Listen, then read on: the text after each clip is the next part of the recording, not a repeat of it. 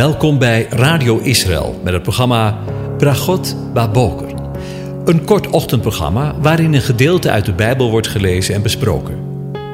Met Bragot Baboker wensen onze luisteraars zegeningen in de ochtend.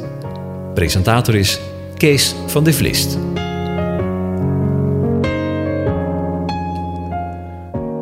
Goedemorgen, Bokatov, beste luisteraars. Vanmorgen gaan we voor de derde keer met elkaar nadenken over Psalm 132. Ik lees de psalm, de eerste zeven versen daarvan, aan je voor. Een pelgrimslied.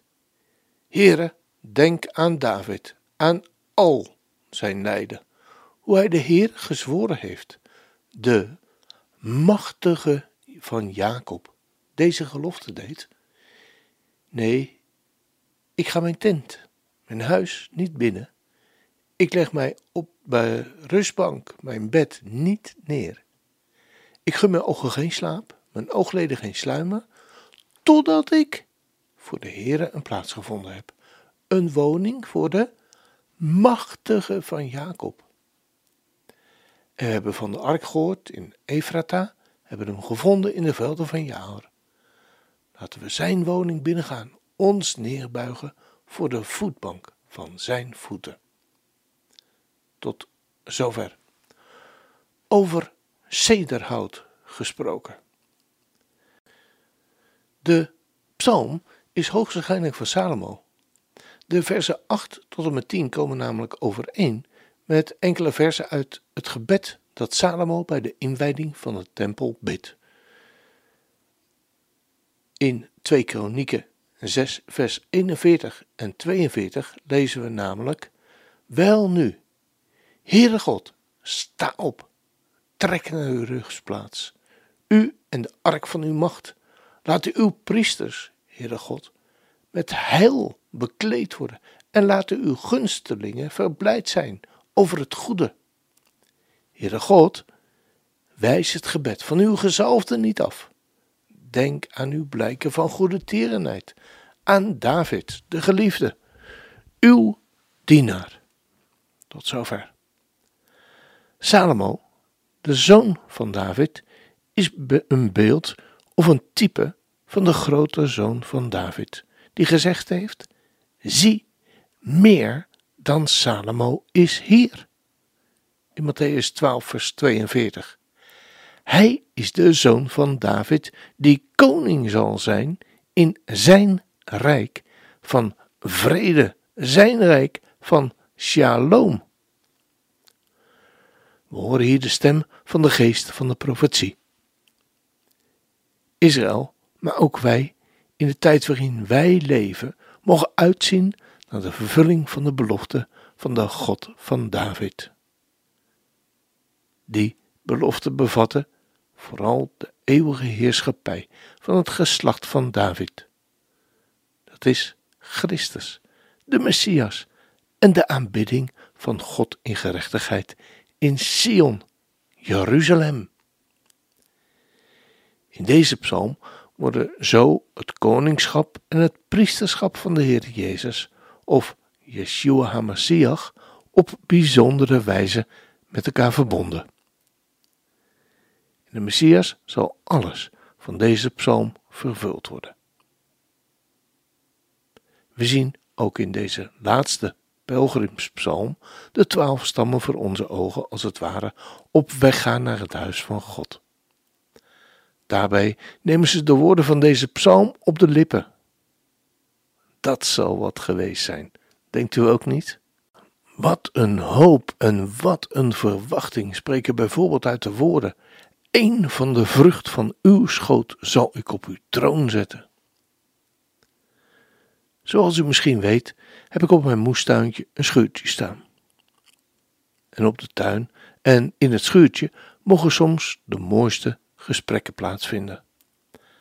Mogen we spreken van hart tot hart en met elkaar God zoeken in ons gebed. Zo ook een poosje geleden, waarin we met elkaar tot de conclusie komen dat de psalmen zo'n bijzondere, rijke en diepe inhoud hebben. Luther, Corrie ten Boom en een zwager van mij, die nu al allemaal bij de Heere zijn. Zei het al. De psalmen zijn Gods apotheek. En weet u, in deze apotheek zijn tegen welke kwaal ook de meest effectieve medicijnen verkrijgbaar. Medicijnen die zijn in het natuurlijke leven heel vaak onbetaalbaar. Maar hier, in deze vestiging van de apotheek, zijn zij voor u en voor mij gratis. Om niet verkrijgbaar. Ze zijn immers al door een ander betaald. Wij mogen ze gratis en voor niets zomaar ophalen uit deze apotheek. Er is zelfs geen eigen bijdrage noodzakelijk, maar ook niet gewenst. En ik kan u verzekeren, de medicijnen uit deze apotheek hebben al eeuwenlang hun werking bewezen. Helpen altijd en zijn van onschatbare waarde. Weet u waarom? De apotheker met een hoofdletter heeft ze namelijk zelf met de grootste zorg samengesteld. Ze komen allemaal uit zijn eigen apotheek. Hij heeft zelfs het medicijn tegen de meest dodelijke ziekte. Medicijn dat u eeuwig leven schenkt. Nooit meer tranen, nooit meer pijn, zelfs eeuwige jeugd. Want dit medicijn vernieuwt uw leven als een arend. We gaan even terug naar de inhoud van de psalm. Dit pelgrimslied, het dertiende, begint met het gebed tot de Heere om te denken, te gedenken aan David, aan al zijn lijden, lezen we in vers 1. Het denken, zoals vertaald in de herziende statenvertaling, is geen nauwkeurige vertaling van het Hebreeuwse woord sagar. Gedenk is beter. Het Hebreeuwse woord is niet slechts denken aan iets of iets herinneren, maar handelen vanwege het denken aan iets. Gedenken is een activiteit waar je als persoon helemaal bij betrokken bent. Zo ook David. We lezen in 1 Kronieken 22, waar we lezen over de voorbereidingen van de bouw van de tempel, om voor God een woonplaats te bouwen. En we lezen dan over de verdrukkingen, over zijn lijden in vers 14. Zie, ik heb door al mijn verdrukkingen honderdduizend talent goud gereed gemaakt voor het huis van de Heer en een miljoen talent zilver. Het koper en het ijzer is niet te wegen, want het is in grote hoeveelheid. Ik heb ook hout en stenen gereed gemaakt. Daar moet je nog meer aan toevoegen hoor. Om u even een beeld te geven hoeveel het is. Een talent weegt ongeveer 30 kilo. Dus er was sprake van 3 miljoen kilo goud alleen al. Ik heb de rekenmachine even bij gehad. En dat zou in de tegenwoordige tijd een straatwaarde hebben van ongeveer 165 miljard euro. Zie, ik heb voor al mijn verdrukking 100.000 talent goud, zilver gereed gemaakt voor het huis van de Heer. Bij al zijn omzwervingen en al zijn strijd heeft hij steeds dit doel voor ogen gehad. Als een man naar Gods hart zoals David in 1 Samuel 13, vers 14 wordt genoemd, heeft hij er altijd naar gezocht om de Heere, de aanwezige, te dienen. Daarom had hij ook het sterke verlangen om voor hem een huis te bouwen. We lezen daarvan in 1 Kronieken 17 vers 1. En het gebeurde, toen David in zijn huis zat, dat David tegen de profeet Nathan zei, Zie, ik verblijf in een huis van cederhout, maar de ark van de Heere, het verbond van de Heere, onder tentkleden.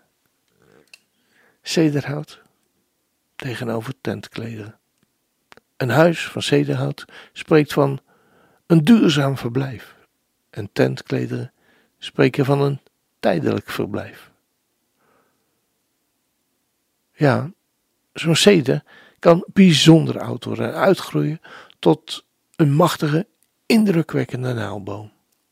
Karakteristiek is de etagevormige groei van zijn zijtakken. De boom kan een hoogte bereiken van wel 40 meter. Indrukwekkend. En de oomtrek van de vertakkingen gaan we tot 12 meter. In de Bijbel wordt de ceder vaak genoemd in een vergelijking. In deze vergelijkingen leren we iets over ontzag van de cederboom bij mensen opwekte. In Osea 14, vers 6 en, en 7 lezen we namelijk: Ik zal voor Israël zijn als de dauw. Het zal bloeien als een lelie, wortelen als een ceder op de Libanon. Zijn jonge loten zullen uitlopen. En in Psalm 92, vers 13 en 14 lezen we de woorden: De rechtvaardige zal groeien als een palm. Als een ceder van de Libanon rijzen zij omhoog. Ze staan geplant in het huis van de Heere, in de voorhoven van onze God. Daar groeien zij op. Ja, en in Hooglied 5, vers 15 beschrijft de bruid haar geliefde in de volgende bewoordingen. Zijn benen zijn als zuilen van albast, op voetstukken van zuiver goud. Zijn gestalte is zo fier als een ceder van Libanon. En in het boek van de profeet Ezekiel, in hoofdstuk 17, vers 22 en 23, komt er een uitgewerkte vergelijking voor in verband met de machtige cederboom. Want daar lezen we: Dit zegt God, de Heere, de aanwezige. Ikzelf zal uit de top van de hoge ceder, tussen de bovenste takken, een teer twijgje wegplukken. En dat dat tere plekje zal ik planten op een hoge en verheven berg. Op de hoogste berg van Israël zal ik het planten. Het zal takken dragen en vruchten voorbrengen en een prachtige ceder worden. In die boom, in de schaduw van zijn takken, zullen vogels wonen. Alle soorten vogels die er zijn.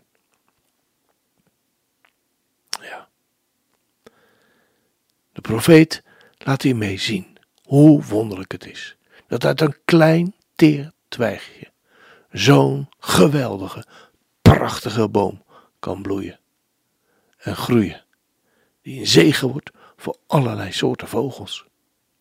Zo zal God ook met het volk Israël handelen, waarbij Israël vrucht zal dragen en de volkeren onder haar schaduw, in onder haar takken zou mogen vertoeven.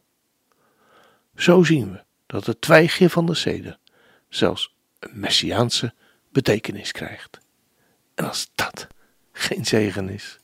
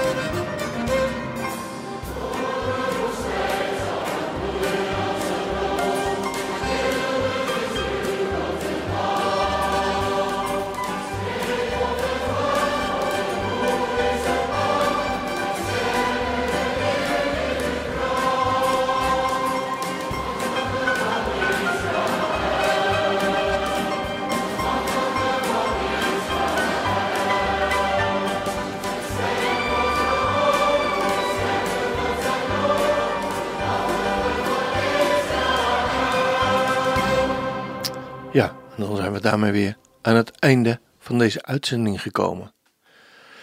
Het lied uh, wat we uitgezocht hadden, dat heeft ook te maken met deze psalm, waarin uh, we twee keer lezen over de machtige van Jacob. En met deze machtige van Jacob mogen we ook onder zijn zegen deze dag beginnen. De Heer zegent en hij behoedt u. De Heer doet zijn aangezicht over u lichten. De Heer verheft zijn aangezicht over u en geeft u zijn vrede, zijn shalom. Amen.